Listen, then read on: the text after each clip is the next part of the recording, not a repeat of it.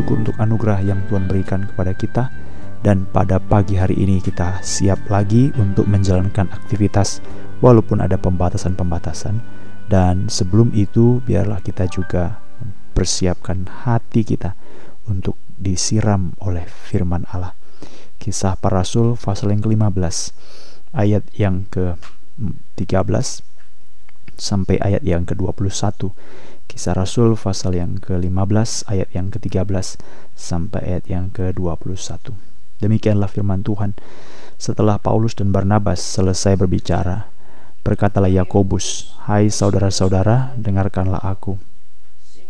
Simon telah menceritakan bahwa sejak semula Allah menunjukkan rahmatnya kepada bangsa-bangsa lain, yaitu dengan memilih suatu umat dari antara mereka bagi namanya.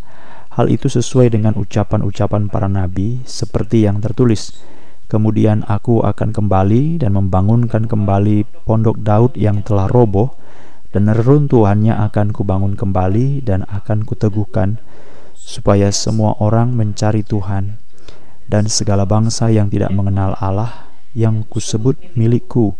Demikianlah firman Tuhan yang melakukan semuanya ini yang telah diketahui dari sejak semula 19 sebab itu aku berpendapat bahwa kita tidak boleh menimbulkan kesulitan bagi mereka dari bangsa-bangsa lain yang berbalik kepada Allah. Tetapi kita harus menulis surat kepada mereka supaya mereka menjauhkan diri dari makanan yang telah dicemarkan berhala-berhala, dari percabulan, dari daging binatang yang mati dicekik, dan dari darah. Sebab sejak zaman dahulu hukum Musa diberitakan di tiap-tiap kota, dan sampai sekarang hukum itu dibacakan tiap-tiap hari Sabat di rumah-rumah ibadat.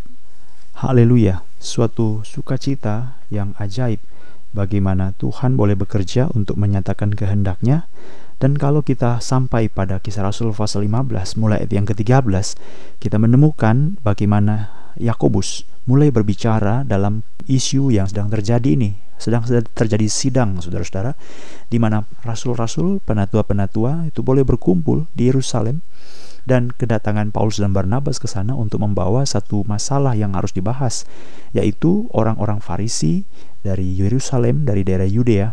Mereka memaksa bersikeras agar orang-orang yang bukan Yahudi itu begitu percaya kepada Yesus menjadi orang Kristen, maka mereka juga harus disunat. Nah, ini suatu perdebatan. Apakah ini merupakan suatu hal yang memang Tuhan perintahkan disunat, tetapi ada suatu istilah bahwa mereka itu akan menjadi orang yang diselamatkan ditambah dengan ketaatan kewajiban untuk menuruti hukum Musa. Kisah para Rasul pasal yang ke-15 ayat 5. Beberapa orang dari golongan Farisi yang telah menjadi percaya datang dan berkata, orang-orang bukan Yahudi harus disunat dan diwajibkan untuk menuruti hukum Musa. Jadi begitu ketatnya mereka mengatakan. Dan dalam ayat 1 pasal 15 jika kamu tidak menurut adat istiadat yang diwariskan oleh Musa, kamu tidak diselamatkan. Jadi dia ingin menggambarkan, menggabungkan bahwa kalau mau diselamatkan ya ikut hukum Musa harus sunat. Padahal pertanyaan sekarang, apakah memang benar demikian? Apakah memang keselamatan kita itu ditambah dengan perbuatan? Jawabannya tidak. Keselamatan kita hanya oleh iman jadi ini adalah suatu kepercayaan yang berbeda dari seluruh kepercayaan yang ada. Bahwa di dalam kekristenan, dalam iman kepada Yesus Kristus, kita bukan dibenarkan karena perbuatan dan perbuatan tidak membantu kita supaya diselamatkan, tidak. Tetapi kita diselamatkan hanya karena iman. Petrus mulai menjawab tentang hal ini. Lalu Paulus dan Barnabas mulai menjawab dan yang terakhir adalah Yakobus mulai menjawab. Jadi dengan singkat saja saudara-saudara dalam jawaban Petrus itu mulai ayat yang ke-7 ayat yang ke-8 bagaimana dia menceritakan tentang segala sesuatu yang menjadi tuntutan dan pekerjaan Allah sampai dipanggilnya orang-orang yang bukan Yahudi. Lalu kita temukan lagi bahwa Paulus dan Barnabas juga mulai memberitakan lagi dalam ayat yang ke-12. Jadi mereka mulai menceritakan bagaimana Tuhan menyertai dengan tanda-tanda. Jadi ini bukti daripada kehadiran Tuhan. penerimaan Tuhan. Sedangkan pekerjaan dari Taurat, Yudaisme, ya itu sunat tidak disertai dengan tanda-tanda ajaib. Nah, pada bagian terakhir Yakobus berbicara dan dalam cerita Yakobus ini kita renungkan tentang dua hal. Yang pertama, Yakobus membicarakan tentang apa yang terjadi bahwa sejak dahulu Tuhan memilih satu bangsa untuk membawa orang mencari dan mengenal Tuhan.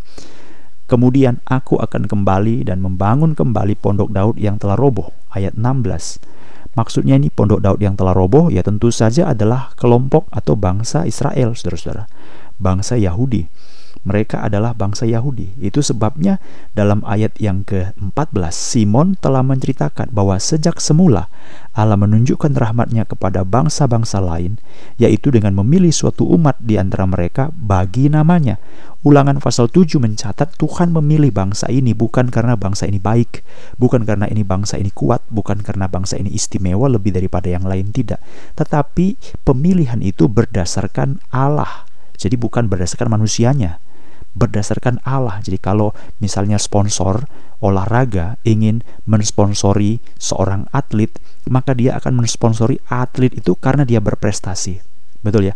Sekolah memberikan beasiswa, dia beri beasiswa karena anak itu adalah anak yang pintar.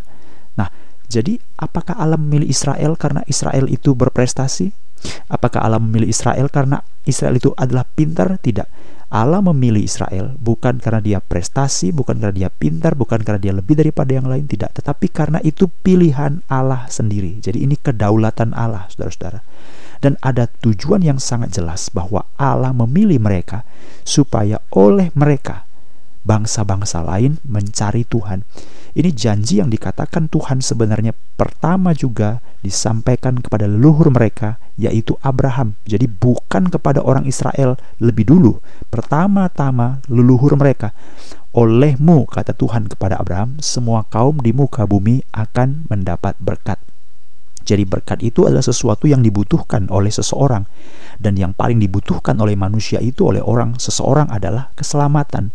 Jadi itulah sebabnya Yakobus mengatakan memilih suatu umat dari antara bangsa lain ayat 17 supaya semua orang lain mencari Tuhan dan segala bangsa yang tidak mengenal Allah menjadi bangsa yang disebut sebagai milik Tuhan. Demikianlah firman Allah. Kisah Rasul pasal 15 ayat 17. Jadi kalau misalnya orang Yahudi dipakai oleh Tuhan, dipilih oleh Tuhan tanpa syarat Mengapa Tuhan memanggil bangsa lain juga harus pakai syarat?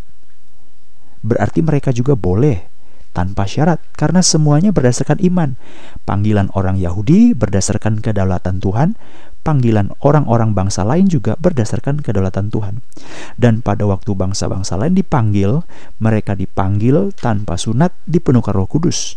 Tanpa sunat mereka juga boleh beriman dan disucikan tanpa sunat, mereka juga boleh menerima dan menyaksikan tanda-tanda ajaib. Jadi inilah sesuatu yang disampaikan oleh Petrus, Paulus, Barnabas, dan sekarang Yakobus juga menyampaikannya. Supaya bangsa-bangsa mengenal Tuhan. Dan itulah sebabnya kita tidak boleh orang Yahudi tidak boleh meletakkan beban yang orang Yahudi sendiri tidak sanggup pikul. Ini bahaya, saudara-saudara. Nah, sekarang mari kita lihat. Setelah dia membicarakan ini dengan sangat jelas, dengan sangat lugas, dia memberikan pendapat. Dalam bahasa lain disebut saya memberikan penghakiman atau memberikan sesuatu keputusan yang sangat penting sekali. Jadi Yakobus memiliki suatu peran yang sangat penting dalam gereja saat itu. Ayat yang ke-19, sebab itu aku berpendapat bahwa kita tidak boleh menimbulkan kesulitan bagi mereka dari bangsa-bangsa lain yang berbalik kepada Allah.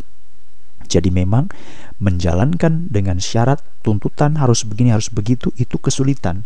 Bahkan kalau kita baca saudara-saudara dalam bagian ayat yang ke-10 pasal 15:10 itu mau mencobai Allah meletakkan kuk pada orang lain. Ini sesuatu bahaya sekali.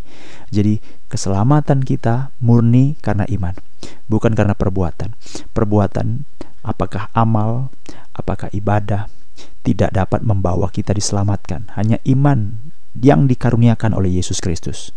Ditambah lagi dengan sakramen, dengan perjamuan kudus, dengan baptisan air, dengan pujian penyembahan, dengan doa puasa, itu semua tidak dapat membawa kita diselamatkan. Tidak bisa. Jadi Alkitab dengan jelas mengatakan sangat sederhana, yaitu karunia iman semata-mata. Kita diselamatkan oleh anugerah yang bekerja oleh iman. Efesus pasal yang kedua yang ke-8. Jadi ini satu hal yang sangat penting sekali untuk kita miliki, untuk kita renungkan. Jadi kita sungguh bergumul supaya orang-orang boleh mengenal, boleh beriman kepada Yesus Kristus. Karena anugerah kita berdoa supaya anugerah dari Tuhan dikaruniakan kepada mereka supaya mereka percaya. Jadi keselamatan bukan pekerjaan manusia tapi pekerjaan Allah. Waktu manusia hilang bukan manusia yang mencari Allah tapi Allah yang mencari manusia. Jadi ini sesuatu hal yang sangat berbeda dari semua konsep kepercayaan dan iman. Inilah suatu kebahagiaan kita. Jadi marilah kita sadar sungguh-sungguh rajinnya ke gereja, kuatnya berdoa, hebatnya dalam melayani, sungguh-sungguh dalam segala kegiatan-kegiatan, beramalan, berbaik, berbudi, ikut perjamuan kudus, sakramen, baptisan, itu semua tidak menyelamatkan saudara-saudara.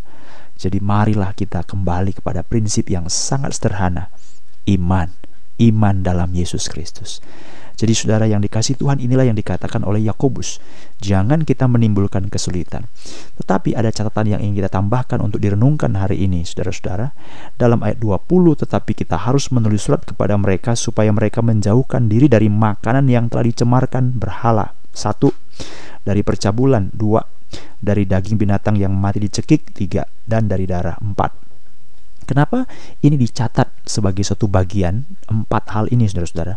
Nah tadi kan katanya kita diselamatkan bukan karena perbuatan, bukan karena syariat, bukan karena syarat-syarat, bukan karena Torat, bukan karena sesuatu prestasi. Jadi kenapa dimasukkan lagi di sini tentang makanan dari berhala, apa namanya tentang mati dicekik, tentang percabulan, tentang darah. Ini kenapa dimasukkan? Jadi bagi sebagian orang, orang-orang menjalankan ini sebagai pantangan. Orang-orang menjalankan ini sebagai suatu aturan baru. Nah, marilah kita lihat. Jadi pada waktu bagian pertama dia mengatakan murni karena iman, berarti pada waktu, jadi saya ulang sekali lagi ya, Bagian pertama dikatakan murni karena iman, diselamatkan murni karena iman, berarti tidak makan berhala, tidak makan daging dicekik, tidak makan darah, tidak percabulan itu sebenarnya bukan dalam kaitan dengan keselamatan. Karena keselamatan itu hanya oleh iman. Tetapi kaitannya dengan apa? Kaitannya dengan ayat yang ke-21, Saudara-saudara. Yaitu apa itu? Katanya begini, Kenapa kamu menjauhkan dari situ? Sejak zaman dahulu, dari zaman dahulu, hukum Musa dibacakan, dibacakan di tiap-tiap kota dan sampai sekarang hukum itu dibacakan. Dulu diberitakan di tiap-tiap kota dan sampai sekarang dibacakan tiap hari sabat di rumah-rumah ibadat. Ini kan orang Yahudi punya ya. Jadi kenapa ini? Apa hubungannya? Karena ini adalah persekutuan. Persekutuan apa? Pada waktu gereja terbentuk gereja itu terdiri dari orang Yahudi dan orang Yunani. Jangan karena orang Yunani boleh tidak disunat boleh makan makanan sembarangan, maka itu cara untuk menyakiti hati orang Yahudi. Petrus waktu kisah Rasul 10 diberikan kain yang lebar, Tuhan bilang, sembelih, bangkitlah, sembelihlah, makanlah. Dia berkata, Tuhan tidak, Tuhan tidak, aku tidak pernah makan makanan yang haram. Tuhan bilang, apa yang Tuhan nyatakan halal, jangan engkau nyatakan haram. Walaupun Tuhan sudah boleh memberikan izin, tetapi Petrus tetap tidak makan. Karena apa? Karena itu merupakan suatu hal yang sangat dijaga, dihargai, dan dia tetap membiarkan itu demikian. Jadi, saudara-saudara, kalau ada orang sudah hidup dalam keadaan seperti itu, lalu muncullah orang-orang yang makan dengan sembarangan, itu akan melukai hati. Jadi saudara-saudara dikasih Tuhan sama seperti misalnya kalau kita makan sesuatu, terus yang kita punya ini yang kita makan itu orang itu ndak ada, apa yang kita lakukan? Tentu kita bagi dengan dia, betul ya? Itu suatu rasa simpati kita, suatu rasa ingin berbagi bersama, rasa sama dapat sama. Aku punya makanan, kamu ndak punya, ayo aku bagi. Tapi kalau yang saya punya ini sangat sedikit sekali, kalau mau dibagi ndak mungkin. Apa yang saya lakukan? Saya ndak mungkin makan di depan dia. Saya akan jaga perasaannya. Mungkin saya akan tunggu dulu, saya akan tahan dulu sampai nanti saya memungkinkan untuk menikmatinya, baru saya makan. Jadi inilah yang terjadi saudara-saudara. Pada waktu orang-orang Yahudi mengatakan orang Yunani harus disunat, Tuhan mengatakan tidak. Tetapi sebaliknya, walaupun orang Yunani tidak disunat, kamu tetap harus menjaga daripada orang-orang Yahudi. Karena ini bicara masalah persekutuan. Yahudi menjaga hati kamu, dengan memberikan silahkan kamu bebas. Tetapi orang Yunani menjaga orang Yahudi karena mereka begitu berada pada suatu budaya yang dari dulu dipelihara, itu pun karena perintah Allah. Jadi saling menjaga, ini kuatnya persekutuan. Jadi bukan untuk keselamatan, tetapi untuk menjaga persekutuan. Saudara-saudara dikasih Tuhan ada beberapa ayat 1 Korintus pasal yang ke-8. Kalau ada orang yang melanggar semena-mena makan makanan persembahan berhala, duduk di kuil berhala, makan daging yang sedemikian, kamu telah membuat saudaramu tersandung. Dan kalau saudaramu tersandung dia menjadi binasa, kamu menjadi berdosa. Dosanya kenapa? Dosanya bukan karena makannya, tapi dosanya karena kamu telah menyebabkan saudaramu itu tersandung dan binasa. Kamu berdosa kepada Kristus. Jadi relakah kita menyangkal diri? Relakah kita memikul salib? Demi apa? Demi persekutuan. Itu sebabnya dia berikan empat hal ini. Karena makanan berhala itu sesuatu hal yang menjadi ganjalan percabulan adalah agama yang dilakukan oleh semua orang. Kalau semua orang itu menjalankan kuilnya, dewanya pasti ada kaitan dengan penyembahan atau percabulan. Makanan mati dicekik dan darah ini adalah hal-hal yang jangan karena aku terlibat maka orang melihat aku sebagai orang yang belum bertobat. Jadi pertobatan itu tidak hanya berhenti pada kasih karunia, tetapi nyata dari mana? Dari perbuatan kita. Jadi kasih karunia dulu baru perbuatan. Bukan perbuatannya baru kita dapat kasih karunia. Keselamatan dulu baru perbuatannya. Bukan perbuatannya baru diselamatkan. Jadi saudara-saudara, itulah sebabnya bagi kita perbuatan adalah bukti. Bukan syarat ya, tapi bukti. Kalau perbuatan kita syarat untuk diselamatkan itu salah. Tapi perbuatan kita adalah bukti bukti bahwa kita sudah diselamatkan. Tidak makan-makan berhala itu bukti bahwa saya diselamatkan. Karena apa? Karena saya ingin bersekutu dengan orang lain. Saya tidak mau karena orang lihat seperti itu, lalu hatinya lemah, hatinya gundah, lalu dia akhirnya menista Tuhan. Jangan. Ada begitu banyak orang melihat orang lain itu berfoya-foya, bermewah-mewah, hambur-hambur uang, makan sembarangan. Bagaimana orang sesama saudara seiman, dia mungkin pikir dalam hati, Tuhan kenapa ya begini? Kau tidak adil, kenapa dia bisa uang banyak, aku uang kurang, padahal dia itu malas, dia itu bodoh, aku lebih pintar. Akhirnya apa yang terjadi? Dia mulai kecewa dengan Tuhan, kamu berdosa. Jadi mari saudara-saudara, jangan sikap hidupmu menjadi sandungan bagi orang lain. Sangkal diri pikul salib sebagai bukti bahwa kita adalah orang diselamatkan. Mari kita berdoa. Tuhan Yesus Allah yang mulia kami menyerahkan hidup ke dalam tanganmu. Kami bersyukur karena keselamatan kami bukanlah perbuatan kami. Keselamatan kami bukanlah usaha kami. Keselamatan kami bukanlah karena ada sesuatu yang ditambahkan. Pada iman, pada anugerah dari Tuhan Tidak ada. Tetapi sungguh-sungguh itu murni kedaulatan dan pekerjaan Allah. Kami bersyukur Harusnya kami tidak layak, tetapi kami yang tidak layak ini, kami yang malas ini, kami yang lalai ini, kami yang lengah ini, kami yang tidak jujur ini, kami yang begitu berdosa ini. Tuhan, Engkau memberikan anugerahmu, kasih karuniamu, keselamatanmu, supaya kami beriman dan percaya kepadamu. Kami bersyukur kepada Tuhan. Oleh sebab itu, kalau kami menyadari siapa diri kami, biarlah kami terus menunjukkan bukti di hadapan Tuhan, sehingga hidup kami mau menyangkal diri, memikul salib, termasuk bagaimana kami hidup di hadapan orang lain, supaya orang lain juga dapat melihat bahwa bicara kami adalah sungguh-sungguh sebagai orang diselamatkan, cara hidup kami sebagai orang diselamatkan, menggunakan uang cara diselamatkan, pola pikir dan segala sesuatu adalah bukti bahwa kami adalah orang diselamatkan. Sebab itu tolonglah kami Tuhan, supaya apa yang menjadi pelajaran dari kisah di Yerusalem adalah juga bagian daripada iman kami untuk kami jalani dan hidupi. Terima kasih buat firman-Mu. Kuatkanlah umat-umat-Mu. Jangan sampai mereka ikut-ikut dunia ini. Walaupun mereka harus kerja dan sekeliling mereka adalah orang tidak percaya, tapi jangan mereka seperti menjadi orang tidak percaya. Walaupun di sekitar mereka mereka harus bekerja dengan kerasnya tetapi jangan sampai mereka jadi bekerja dengan menghalalkan segala cara. Tolonglah tuntunlah pimpinlah peliharalah cukupkan kebutuhan ulurkan tangan dengan penuh belas kasihan bagi mereka yang sakit biarlah oleh belas kasihanmu engkau menyembuhkan terima kasih Tuhan Yesus kami serahkan semua ke dalam tanganmu Ajar kami hidup sesuai dengan kehendak Tuhan. Dalam nama Tuhan Yesus Kristus Tuhan dan Juru Selamat kami, penebus dosa kami. Kami berdoa, kami bersyukur untuk kemurahan-Mu. Haleluya. Amin. Umat-umat yang dikasih Tuhan, demikianlah anugerah surga bagimu.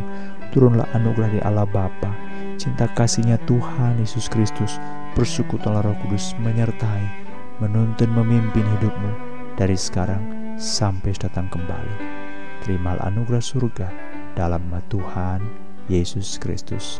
Haleluya. Amin. Selamat pagi bagi saudara sekalian.